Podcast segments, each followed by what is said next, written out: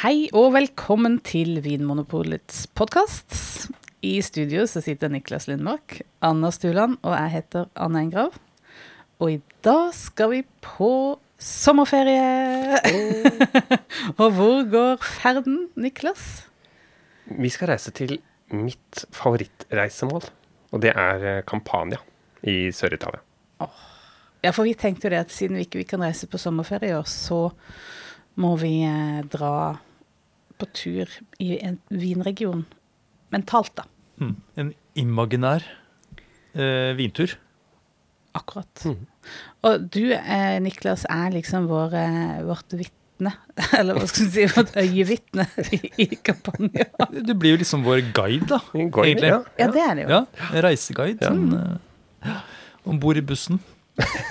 Ja, man kaller kanskje ikke guiden for vitne, nei. Ja, Du har ikke vært i kampanje, Anne? Aldri vært det, men jeg drømmer om det. Ja, du har vært der, Anders. Ja, så vidt. Jeg har vært av liksom den sørlige delen. Mm. Så det er mye jeg ikke har sett. Og vært, jeg har ikke sett noe særlig av vinområdene, i hvert fall. Nei. Og jeg må jo si at det, selv om jeg har kjent Jeg har jo kjent til en del av vinene og druetypene eh, i ganske mange år, så har jeg ikke Jeg har ikke prøvd de nok, og jeg har ikke prøvd de ofte nok. Og jeg har også kanskje litt sånn eh, Har vært litt sånn forutinntatt til Til liksom Sør-Italia. Mm. Mm. De blir gjerne liksom rangert litt under eh, norditalienerne. Og det er litt trist. Altså, jeg tenker at det er jo Litt sånn fordomsfullt. mm.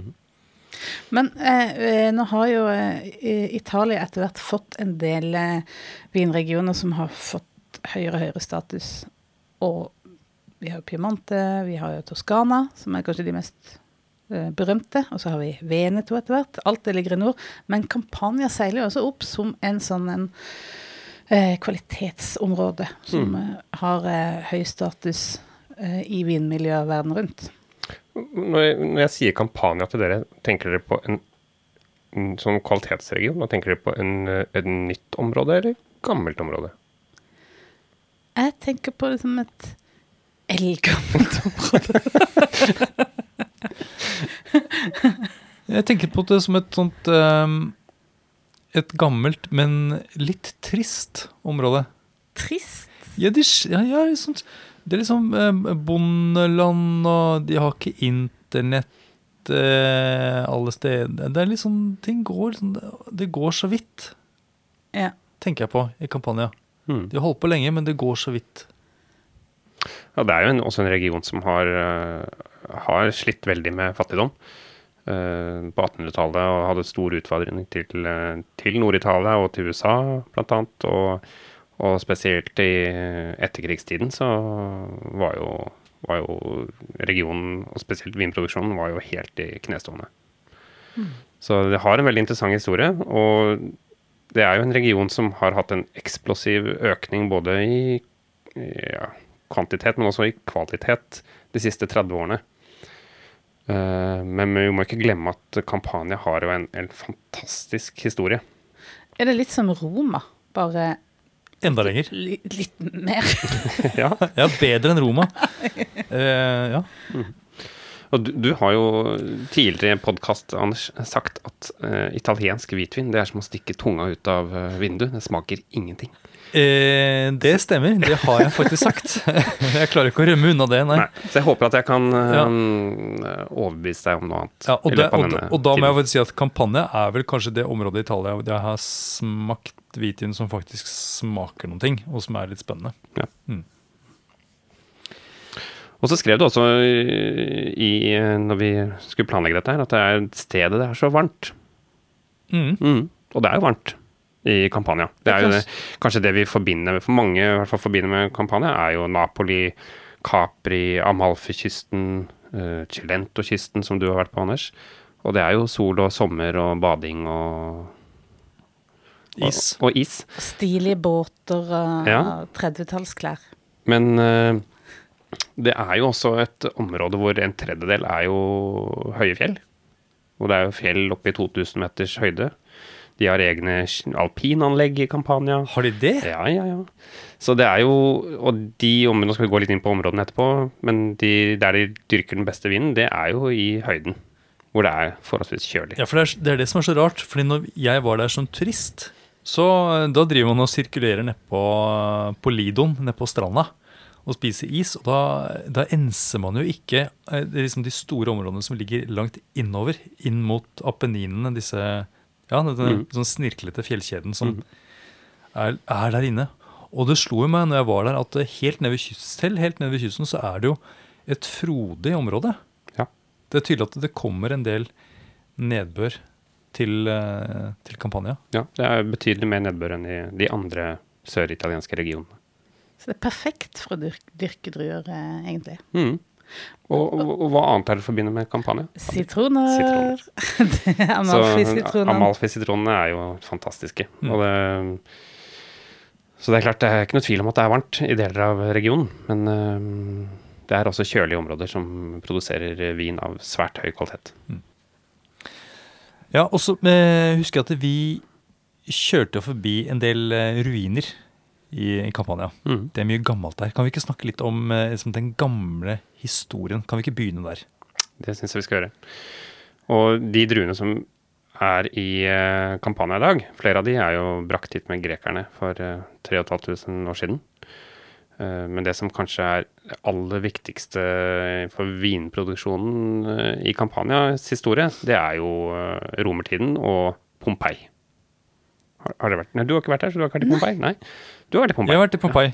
Det var mind-blowing, faktisk. Hva er Pompeii egentlig? Bare snakk til meg som om jeg ikke vet hva det er, så slipper jeg virke stille de dumme spørsmåla. Det er som å gå i en by. Eh, bare at det er jo ikke noen butikker eller noe eh, Men du går i gater med hus og fasader. Men det er bare at de er jo kjempegamle. Det er fra romertida. Det er en, en hel by. Det er helt sjukt. Og det er utrolig godt uh, vedlikeholdt, holdt jeg på å si. Men det er jo gravd fram eh, etter vulkanutbruddet i år 79.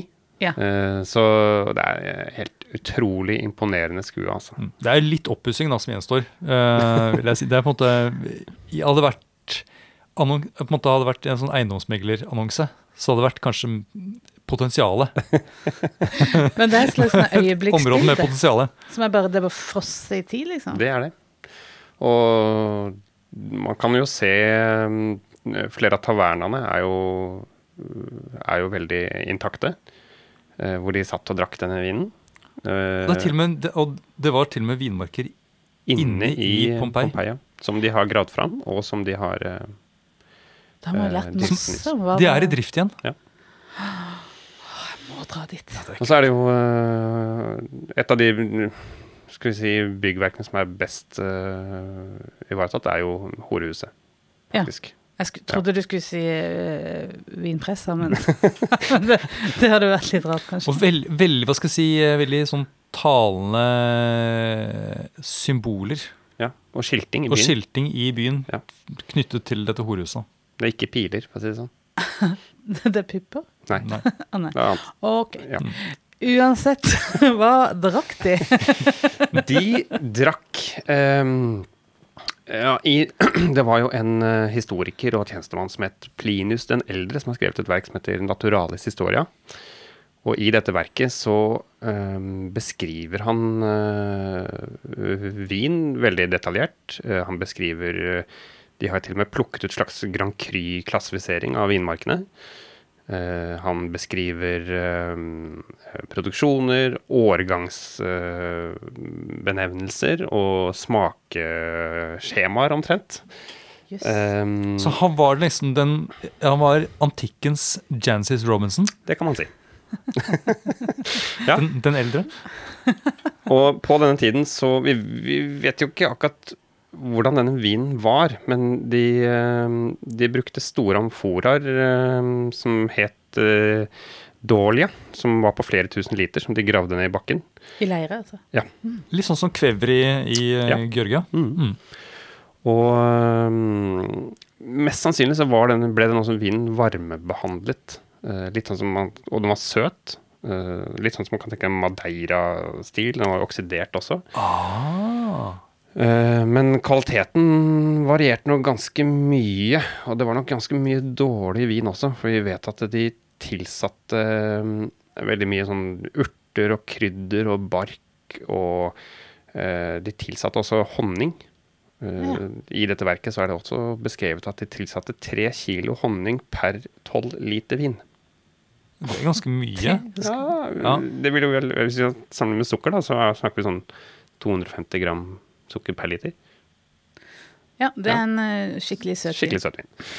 Og vi vet også at de, eh, de var, hadde veldig høy alkohol, så de ble altså blandet med sjøvann for å dempe det. For å mildne dem litt, rett og slett. Yep. Ja, for de ble jo rukket på daglig basis, dette her. Dette var høyt konsum, og det Ja. var de kjent for å ha. Spesielt de som Befolkningen i Pompeii hadde et svært høyt eh, alkoholkonsum. Og lav moral. Nei, Men det hadde vært Tenk så gøy det hadde vært å få smakt en sånn vin sånn som den smakte den gangen. Mm. Med honning, krydder, sjøvann, Helt eh, madeirisert. Det er noe som ikke er så langt unna. Eh, og det er eh, Det fins en vin som har tilsatt en del krydder og bark og den eh, ting. Det er Barolo Kinato. Ja, Ah. stemmer det. Så hvis man har lyst til, og vi, vi fikk jo litt sånt lyttespørsmål her på en som skulle ha lyst til å smake på, eller hva, hva drakk de i romertiden, og da eh, Kanskje det beste rådet jeg kan gi, er hvis man har lyst til å prøve noe som kan ha lignet, så er det Barolo Kinato, som er Barolo som er tilsatt eh, krydder og en del. Så kan man jo tilsette litt honning og sjøvann sjøl. Det kan man gjøre. Men, Også, på, med tog, på med toga og greier. den. Toga-party.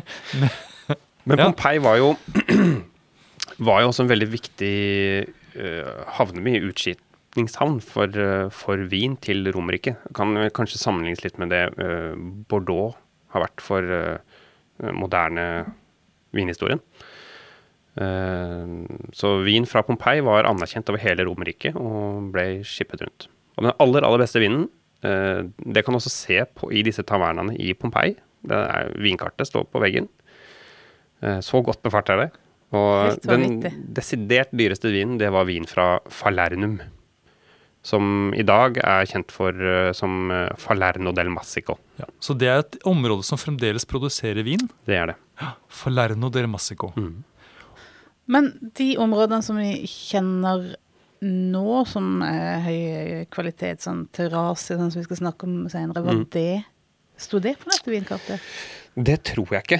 Så de hadde ikke funnet det ennå? Jeg tror nok ikke det, for vi må også tenke på at uh, det for, forferdelige som skjedde da, med dette vulkanutbruddet, uh, hvor meter på meter på meter med tykk eh, vulkansk aske ble dekte store deler av regionen, det er jo det som har lagt grunnlaget for mye Ja. av den kvaliteten som vi ser i dag. Da. Og så tror jeg at både romerne og grekerne at de vurderte de kystnære områdene og øyene som de beste områdene for vinmaking. Ja. De Det skulle det- jo transporteres også. Ja, Det var, så det var en praktisk uh, eh, ting med det. rett mm. Ja. Det høres logisk ut. De Mm. var jo smarte, romerne. Mm. Og, men med dette med tanke på uh, Pompeii-vinen var eh, anerkjent, og de, de lagde egne egentlig, eh, emblemer, eller logo, eller etikett på disse amforaene som de skippet rundt i Romerriket. Eh, så man har funnet I store deler av Romerriket har man funnet amforaer med Pompeii sitt emblem. Men man har også funnet amforaer med Pompeii-emblem som man beviselig ikke er fra Pompeii. Så man tror at dette er historiens første forfalskning av vin. Så de, altså det hadde et så eh, et sånn godt renommé Mm. i, eh, i markedet at det, noen driver med forfalskning. Det er da man vet at man har lykkes. Ja, Mm. kult. Mhm. Akkurat. Men de, altså druer, for eksempel Falerni, Falerno di, del Mas- Massico, eh, som lager både rød og hvit vin i dag. Mm. Men den gangen det var eh, Falernum, var det da en, det var da en hvitvin. Det var mest sannsynlig hvitvin, ja. Ja. på druen uh, Falangina. Ja, og kanskje, kanskje det til og med var en oransjevin? Det kan absolutt hende. Ja. Uh, Men det var falangina, i hvert fall. En, Mm. Og det er en drue som fremdeles blir brukt. I stor skala. Det er jo egentlig det som det er mest av i, eh, i Campania, i hvert fall av hvitvin. Eh, så er det, og det. Og det er liksom litt synd, fordi det Jeg har hørt mange som har vært på ferie på Amalfakysten og drukket liksom falangina, eller det gjerne du får som husets vin og sånn, syns ikke det er så godt. Men det er kanskje også den vinen som ikke er så høy kvalitet, men falangina kan gi viner av veldig høy kvalitet. Men det er ikke en DSOG, da. Men helt eh, nord, eh, hva blir det, nordøst, i Sanjo, så lages falangina del Sanjo, som kan gi eh, svært gode hvitviner. Ja, for det er sånn som har litt, litt friskere viner. Yes. Friskere viner og sit, masse sitrus, og i Sanjo så får du også en god mineralitet, da. Og da er det litt mer sånn aroma, liksom blomst... Det er ikke som å stikke tunga ut av vinduet. Nei, du har blomster, og du har liksom litt eh, av den typen aroma. det er det. Så, men du nevnte da DOC og DOCG, og det er jo det italienske kvalitetshierarkiet. Eh, og det aller ypperste det er da å være en DOCG-område. Mm. Og der har jo kampanjaen eh, fire stykker, har det ikke det? Stemmer. Ja, Til sammenligning så har vel Piemonte noe sånn 17 eller noe. Ja Ja. nettopp. Og det kan jo være ulike størrelser og alt mulig på disse DOCG-ene. Mm. Skal vi gå gjennom én eh, etter én, eller Det kan vi gjøre. liksom nåtidens falernum?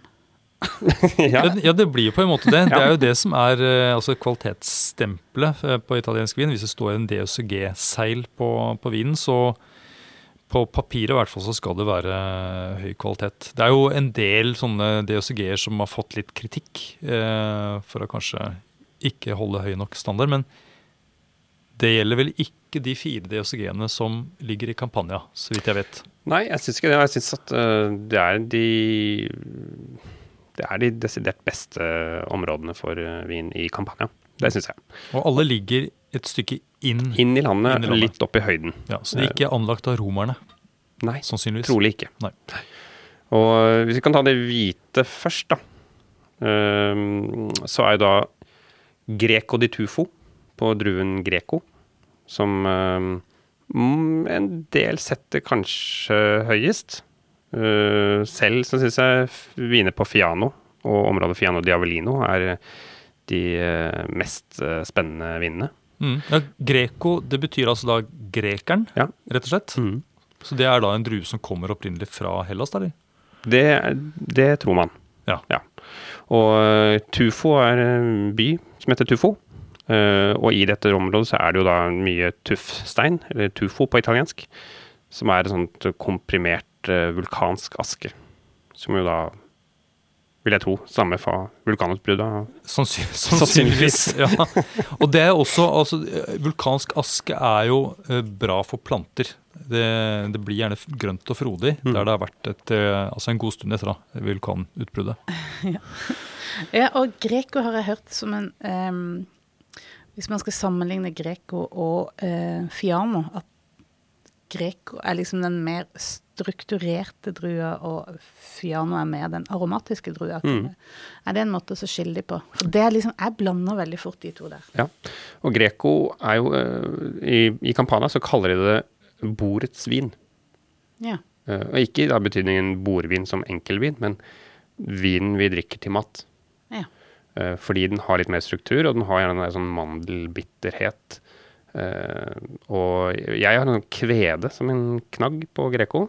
som så kan ha litt der urtepreget og ja, litt struktur som gjør at den er veldig godt egnet til de kampanianske matrettene. Mm. Ja, for når du, når du sier urter, så da tenker du ikke på sånn urter slik man finner i Sancerre og Sauvignon Blanc-baserte nei. viner, som er sånn veldig sånn grønne ferske urter. Det er noe mer litt sånn tørka tørka. oregano Tørka salvieaktig, Mm. noe sånt. ja. Mm. Ja, jeg finner også sånn eh, kamomille og sånn tørket høy. Og jeg syns fruktigheten i Greco eh, den har på en måte en viss sånn intensitet, men den er allikevel litt sånn ullen, litt vanskelig å få tak i.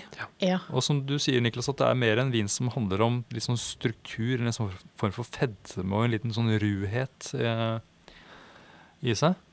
Ja, ja for når, når vi snakker om struktur, så er det jo ikke nødvendigvis syre, men det er mer den derre at det er en sånn slags sånn fast munnfølelse uten snerp. Ja, det en slags er veldig vanskelig å forstå, ja. Mm. kanskje. Men, Men jeg har også vin- hørt den beskrevet som uh, hvitvinens rødvin. Rødvinens hvitvin. Ja. Nei, Ja. jeg skjønner. Ja, da, vi skjønner. Men det altså, at den er jo da ikke så fryktelig aromatisk. Og det er jo også kanskje derfor den uh, er velegnet for uh, musserende vin. Og det er da en musserende vin som produseres i Campania som heter Asperinio Diaversa. Og Asperinio blir ofte betegnet som en egen drue, men der har eh, DNA-testing nylig vist at det er Greco. Akkurat. Mm. det er breaking news. Og dette her er jeg bare, Jeg har ikke vært i dette området der de lager denne vinen. Jeg har da eh, sett bilder. Det er en kollega her som har vært i området og vist meg bilder av noen gamle mennesker som klatrer på sånne veldig rare stiger. Opp mellom eh, noen noe popler eller sypresser, i hvert fall veldig sånne høye, slanke trær. Og så har de sånne De stigene de klatrer på, er så smale at du får plass til bare én fot i hvert trinn. Du kan ikke stå med to føtter på samme trinn. Hvorfor ikke? Nei, jeg vet ikke, de være, de er sånn, Det er som, ser ut som de klatrer på langs lang sånn spagetti oppover. Og så er de sånn 10-15 meter oppi trærne, og der vokser eh, druene. Så vinplantene de, eh, de liksom vikler seg der liksom på disse trærne, og så plukker de druene langt der oppe. Og det er da, Bare gamle mennesker som plukker det. jeg tror det er en, en, virker som en, en, en, en tradisjonell måte å lage vin på, og veldig arbeidskrevende, Ja. selvfølgelig. Og det var da Asperinio druer, eller altså Mm. det som da viser seg å være Greco. Mm. Mm. Men det er jo litt sånn litt snodig. Den der, jeg har aldri sett den oppbindingsteknikken der noe annet sted. Og i Campania så er det jo utbredt å bruke um, Herregud, hva heter det? Pergola. Pergola. Pergola, Pergola-system. Eh, litt uh, spesielt i de varmere områdene, for det vil jo skygge litt, uh, gi litt skygge for vinplantene også. Mm. Og han uh, Plinius den eldre beskriver jo også uh, pergolasystemet i Naturalis Historia. Uh, han er bekymret uh, for uh, HMS. Er det sant? Ja, og uh, faen, det, det er farlig arbeid, for de var tydeligvis ganske høye, disse pergolaene. Og, og det er ikke da at han kommer med forslag til uh, hva kan vi gjøre for å trygge arbeidsforholdene, men han beskriver at uh, de mest verdifulle slavene bør ikke brukes. Ja, slik tenkte man den gangen. Ja. Ja.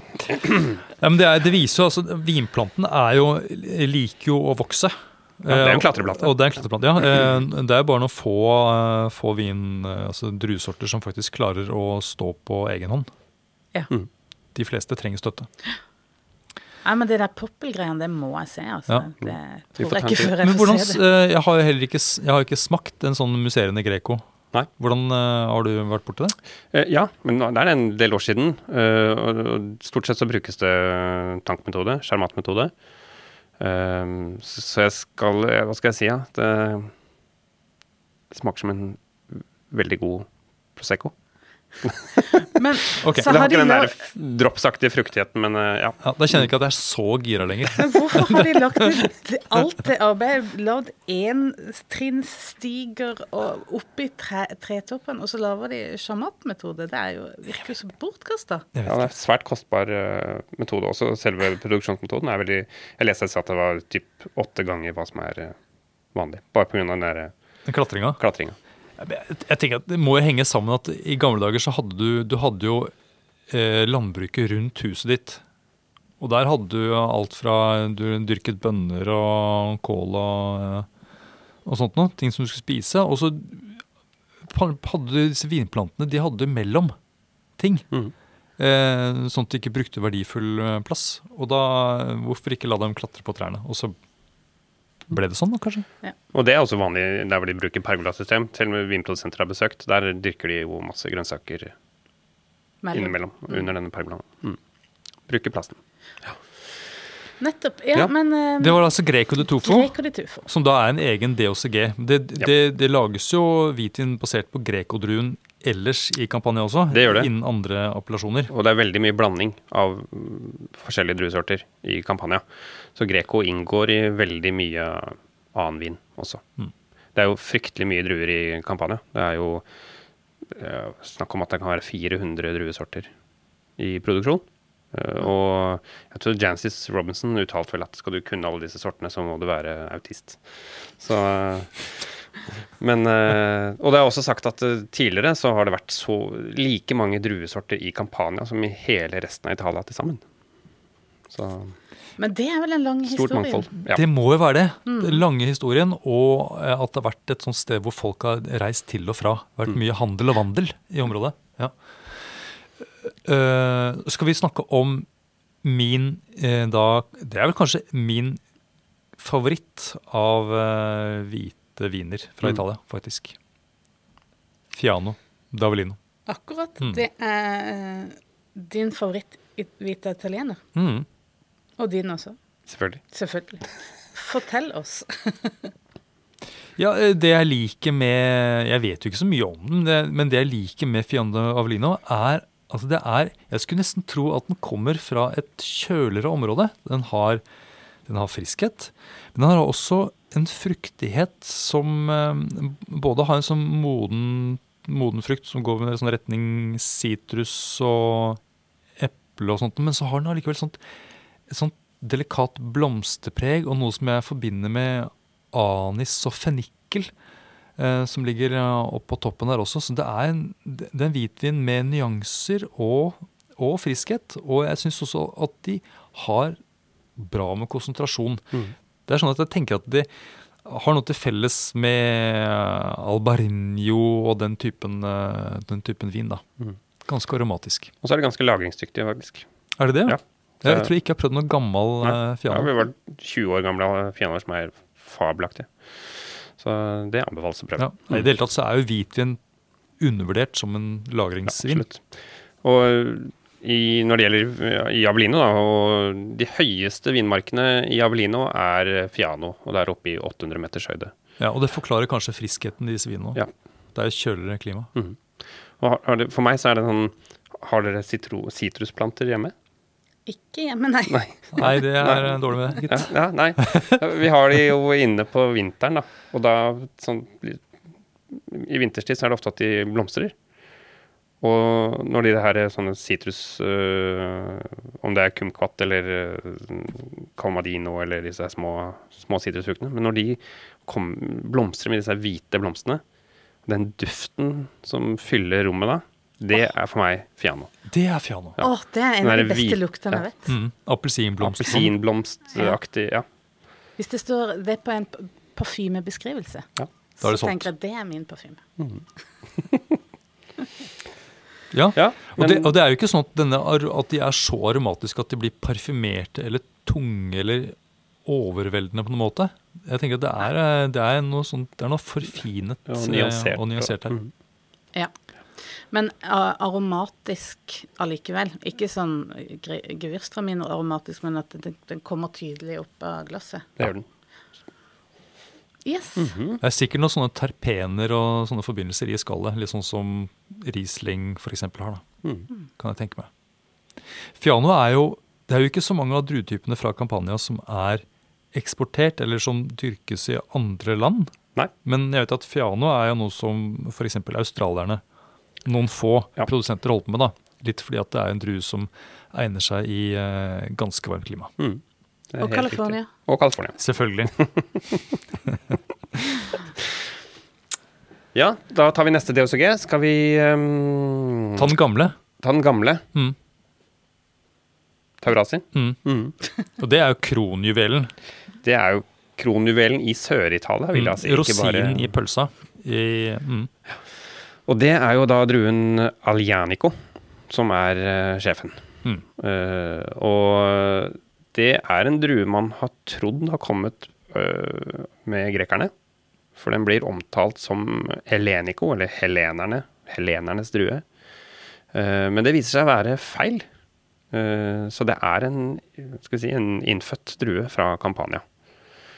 Så den er, har høy syre, mye tannin, og i Taurasi, så, hvor det er en del kalk, om det er pga. det, det skal jeg ikke si, men også er det ganske høyt, opp til 650 meters høyde.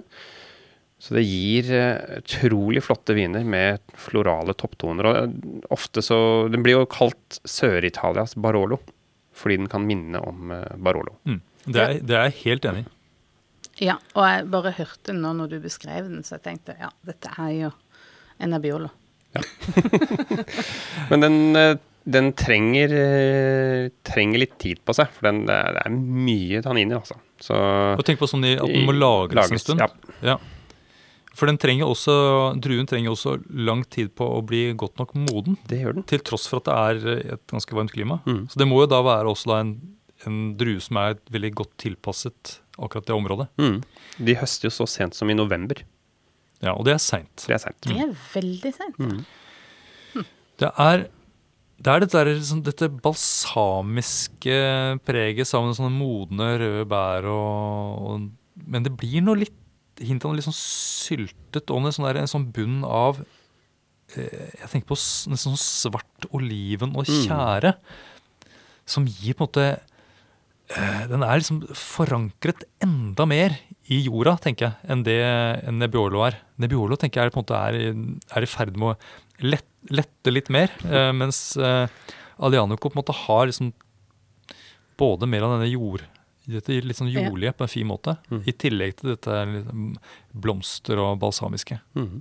Veldig spennende, egentlig. Godt beskrevet. Og, og, det at det er varmt klima, det merker man ja. Du nevnte det sylta. Nesten sånn er tørka frukt eh, også, selv om den ikke er nødvendigvis eh, lagra. Mm. Og der lager de jo de lager forskjellige stiler av Aleanico. De kan lage en, eh, en hva er det novello. Mm. Altså en, en, veldig sånn ung vin eh, som er ment for tidlig konsum. Mm. Eh, hvor de kanskje til og med bruker sånn CO2-masterasjon. Det gjør de.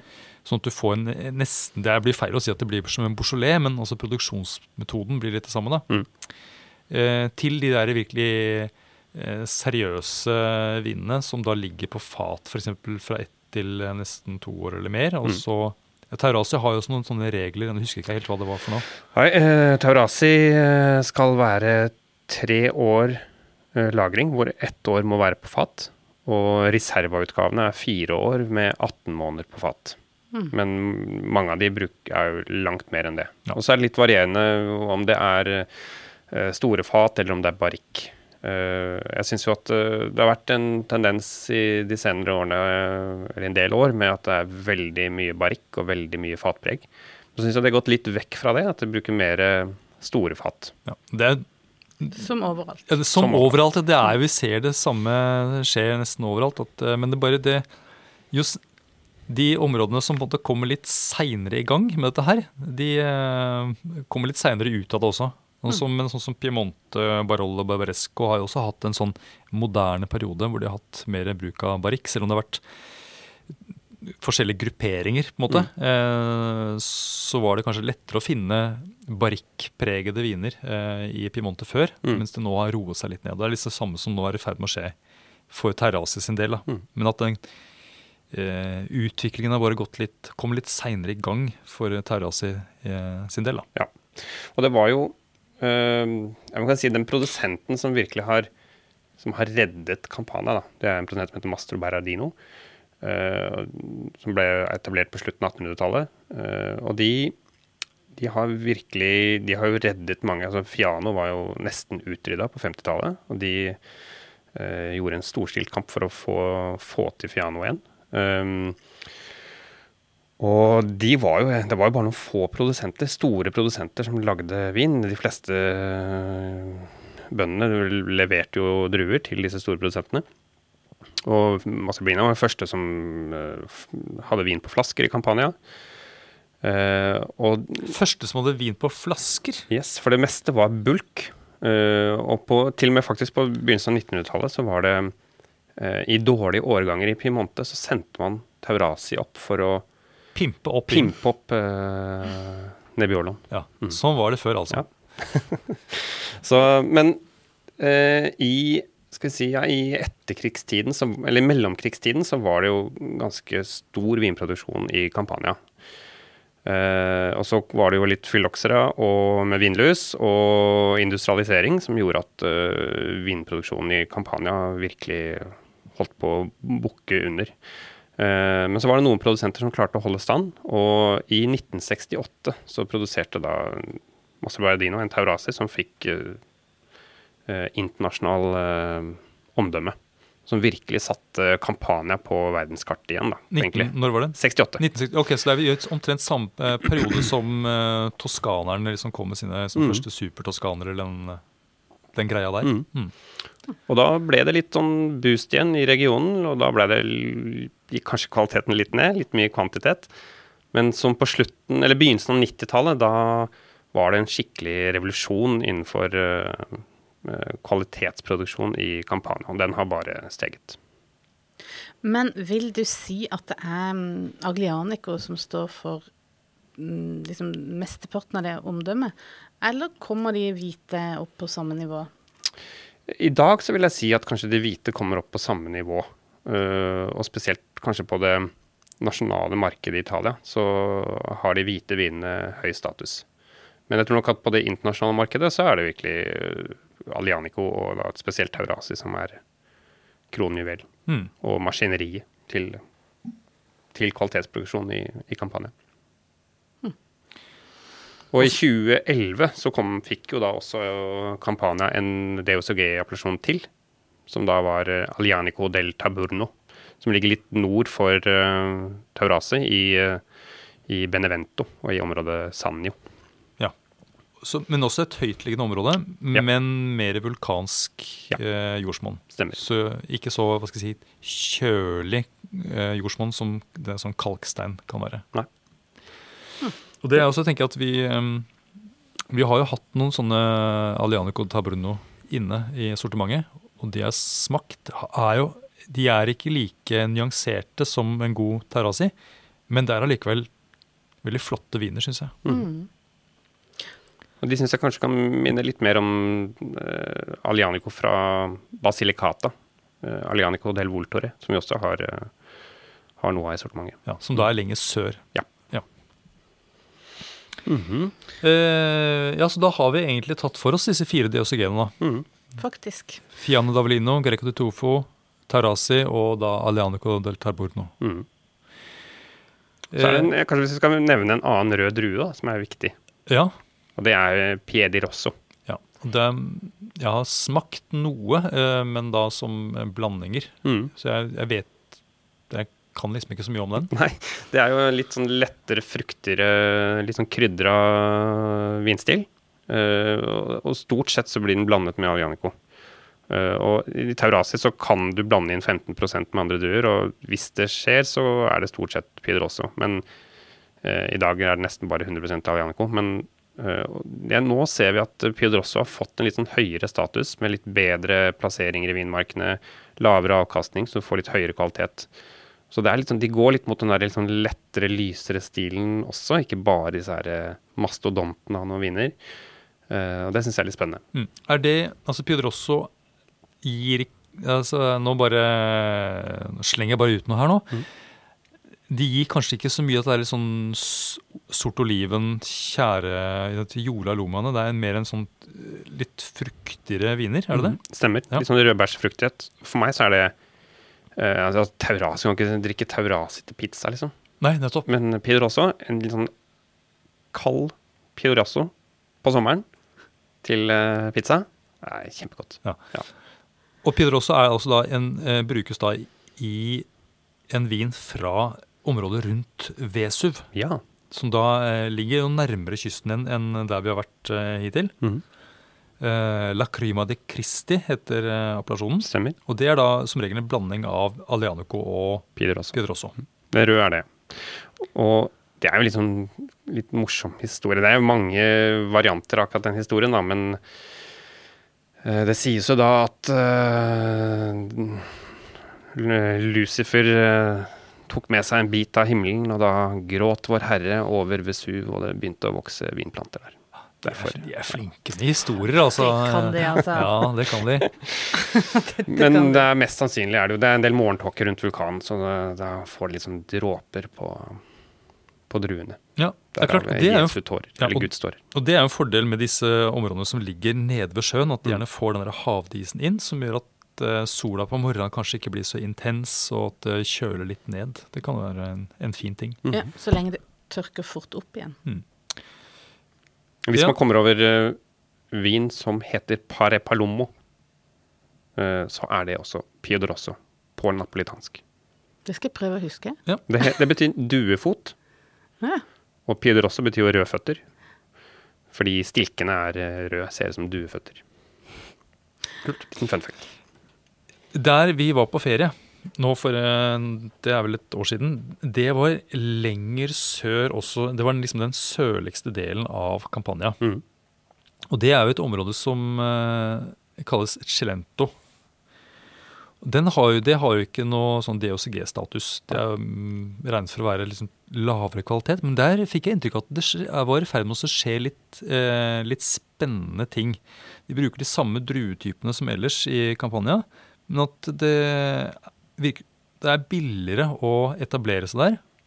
Så der var det jo en del eh, både naturvinmakere, men også noen som produserte oransjevin f.eks. Mhm.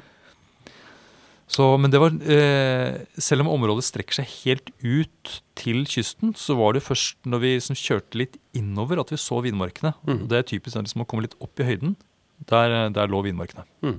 Jeg synes at det er helt, helt enig med deg. for det, det, er- Hvis man ser på det som skjer nytt i Campania i dag, så er det liksom synes jeg, Cilento, Salerno, Amalfi-kysten. Der skjer det veldig veldig mye spennende. eh, med svært gamle druesorter og helt egenart. Som, eh, og naturvin, oransjevin, petnat på Alianico. Det er masse kult. Nå, eh, har vi, nå har vi vært mye rundt eh, i vinmarken og sånt nå. Nå syns jeg at vi skal eh, ta oss en tur ned til en liten by nede ved, nede ved sjøen. Set, skal vi sette oss på en restaurant? Jeg er med. Eh, og så, mm, så lar vi Niklas se på den eh, klassisk napolitanske menyen. Og gi oss noen tips. Hva er det som er godt å spise i Campania? Ja, vi, vi kommer jo ikke unna napolitansk pizza, da. Ja, for dette her er pizzaområdet. Det er jo det. Ja. og det, det er jo en bucketlist. Hvis ikke man har vært i Napoli og spist pizza, så, så må Så har man man ikke spist pizza. Men kan du eh, Jeg regner med at ananas på pizza, f.eks., Hawaii-pizza, det det er ikke noe du holder på med? Det tror jeg Da tror jeg du ikke lever så lenge. Nei. hva, ja, hva er en typisk napolitansk pizza, da? Eh, En skikkelig napolitansk pizzeria serverer kun to varianter, og det er margarita og marinara. Som jo bare er tomatsaus med hvitløk og oregano. Ikke noe ost, ingenting. Det er minimalistisk. Akkurat, Men den første margaritaen den har jo da mozzarella. Ja. Og mozzarella er jo også Campania. Det er det. Det er jo mozzarella-land. Stemmer. Ja. På bøffel, gjerne. Ja, jeg så jo ikke en eneste bøffel når jeg var der. Det er jo i det området du Men, var i, men jeg så jo masse mozzarella. Det er litt skummelt. Ja, Og den var skikkelig også- god. Og jeg, kjempe, vet du jeg kjøpte en mozzarella. Den var så svær! Den var like stor som en, en håndball. Kjempemozzarella! Kommer sikkert fra en kjempebøffel. Men de har jo også mafia. Så man må passe på Ja. hvor man kjøper den mozzarella. Og veldig, veldig god, da. Men kanskje ja. den beste retten, da, Ja. foruten pizza med mozzarella, så må vi trekke fram insalada caprese, eller eh, mot tomat- og mozzarella-salat. Mm. Det er jo det er deilig å starte med. Og det er jo så enkelt. Ja. Eh, men hvis man da har den gode mozzarellaen, den gode tomaten, den gode basilikumen og den gode olivenoljen Og et glass falangina ville jeg Ja. ha hatt. Ja. Ja, vi har sett, eh, sett Ja, vi setter falangina. falangina. Falangina fra Sanjo setter vi til eh, som eh, sånn deilig fruktighet. Så har du den umamien i tomaten som eh, stjeler litt fruktighet, så da trenger vi en litt eh, fruktig vin. Så dette her er forretten. Dette er forretten. Mm. Og vi har jo begynt med den der poppelmuseene, selvfølgelig, aller først. Mens vi Eh, rusla opp på, Asperinio har vi begynt med. på verandaen. Og så, i Italia, så etter forretten så er det jo da en, en primi. Og her nede så er det jo gjerne en eh, pasta. Og jeg digger jo de der vegetariske pastarettene. De enkleste tingene. Men kanskje favoritten er jo spagetti à la vongole. Så, altså med hjerte, Ja, hjerteskjell. eller det er vel en venusmusling, heter det. Ligner på hjerteskjell. Ja. Ja. Det er jo helt fantastisk. Og hva er en original vongole? Bare sånn at vi er sikre på hva det er som er oppi. For her mener jeg har sett forskjellige ting. Ja, og når jeg har vært hjemme hos uh, mammaen til min kompis Leonardo, så har jeg fått innføring i hennes vongole. Og når jeg spør om hvorfor hun ikke har i tomat eller hvitløk, så ble jeg nesten slått med kjevla. For det, det skal være al bianco. Så det er bare rett og slett eh, hvitvin og vongole og pasta. That's it. That's it. Disse, disse rene smakene. Rene, enkle smaker. Ja. Og da har de gjerne denne også, De liksom heller av vannet fra pastaen, og så blander så Mm. Litt av pastavannet skal også tilbake igjen. tilbake igjen. Ja. Mm. Og så liksom, lar man liksom den deilige vongole-kraften som trekker litt inn i pastaen også. Mm. Mm. ja. for de er dampa først med hvitvin. Ja. De greiene. Eller ikke. Eller ikke. Eller bare vann. Og det da spør om man kan få litt parmesan til pastaen. På sjømat, det, da, det går heller ikke. Det er nei, nei. Nei, nei, nei. Nei, nei, nei, nei, Mange feil, feil, å gå i i Ja. mafialand. Altså, Italienerne de er jo så flinke til å lage eh, matretter som, eh, hvor liksom, råvaren virkelig får skinne maksimalt. De, de, det er ikke så mye sånne gryter som kokes. Ja, ja, noe har de jo selvfølgelig, men mye er sånn basert på at ting skal få stå litt alene. Jeg liker det veldig godt. Men eh, unnskyld, nå bare begynte jeg å tenke på hva vi skulle drikke til dette. Ja, det, eh, snakker vi Greco her, da? Det kan vi. Eh, hvis du har en um, Nå sitter vi på Amalfakysten, eller? Ja, er ja, der vi sitter, ja. Sitter Da, da hadde jeg gått for en uh, vin fra Amalfakysten, som da kanskje er en blend på Falangina og Biancolella. Biancolella, liksom. ja Det må nesten være Biancolella, syns jeg. Mm. Ja, Men ja, så- Det er en, en fruktig og frisk eh, hvitvin, eller? Ja, og den Biancolellaen har litt sånn fedme. Ja. Uh, så sammen, når den blandes med Falangina, så syns jeg det blir veldig Ja. lik. Høres veldig bra ut. Mhm. Men så, etter pasta etter pasta og det, Nå er jeg mett. ja. Men uh, du må jo spise alt, Vi kan jo bare sitte litt. ta Vi kan sitte litt, pause, men jeg så- tenker at vi må ha Vi, må vi, altså vi er jo bortskjemt på fisk, men uh, fiskerettene syns jeg også er veldig gode. Uh, og da kommer en um, pesce alle aquapazza. Som aquapazza betyr um, brå sjø, da, eller mye sjø. Ja. Pats, er det liksom gal? Gal, ja. altså? Mm. Crazy water. Eh, Ja. og det er uh, fisk som er uh, stekt, og så har man hatt i tomat og chili, og så har man i litt uh, sjøvann kanskje, eller noe, noe saltvann. Og så får dette koke litt, så det blir en sånn slags saussuppeaktig som er ganske spicy. Og det er, Og, og hva slags fisk er det de ja, det har er oppi en sånn aquapazza? eh, men ofte havabbor. Ja. Ja. Seabass. Seabass, ja. Så, men det kan variere litt. Ja. Kommer an på hvor mange dere er, hvor stor fisk det skal være. Vi er Ja, tre. vi er tre. Da, blir, da blir det en liten havabbor. I litt sånn tomatisert, Tomatisert eh, saus med saus med hvitløk. og- hvitløk og kanskje litt hvitvin. Og, ja, Litt Middelhav. litt mid jeg smaker Middelhavet. Mm. Da er vi fremdeles på hvitvin, eller? Ja, Det- da ja. syns jeg Greco di Tuffo Da kommer grekeren inn, ja. Ja, den skjønner jeg. Akkurat, hvor, Hvorfor det? Er det liksom en mat med litt mer, Litt mer substans? substans, og det er litt Ja, godt med litt den der Vongolen er litt sånn Det er så delikat, og det er sånn sjø og Ja. Da er det godt med den litt delikate fianoen, men nå trenger vi litt, eh, litt trøkk. Ja, da tar vi en greco de tofo. Mm. Ja. Et halvt glass til meg, takk. Mm. Nå begynner det å bli litt meget. Og så kanskje vi skal ha litt eh, faste oster, da. Jeg syns det. Ja. Jeg syns det. Og da kan vi godt eh, En litt moden taurasi hadde vært godt da, med litt eh, Mm. Ja. Utvikla. Har ligget kanskje fem, seks, syv år. ja, i hvert fall, tenker jeg. jeg vil si 20. Ja. Ja. Såpass! ja, vi må nesten ta en titt på lista og se om vi har noen gamle betaler, ordentlige- Det Ja, men det vil jeg si altså, til eh, kundene våre, at hvis vi skal ha eh, vin for eh, å lagre, og har lyst til å prøve noe annet enn det klassiske, så Taurasia er et meget lagringsdyktig. Så da sitter vi med noen sånne harde, harde lokale oster Mhm. og et glass med en utviklet uh, terrasi.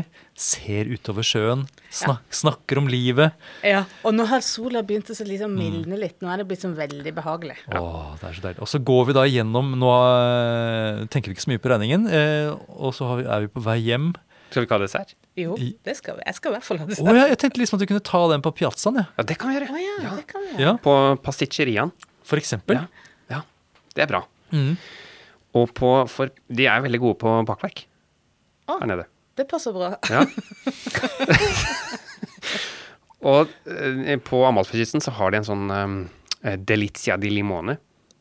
Som er eh, Det ser ut som et bryst. Jaså. Ja, det her høres lovende ut på så utrolig mange måter. Og da er det en sånn sukkerbrødsak med en sånn sitronkrem. eh, som er li litt voldsomt, men uh, hvorfor ikke?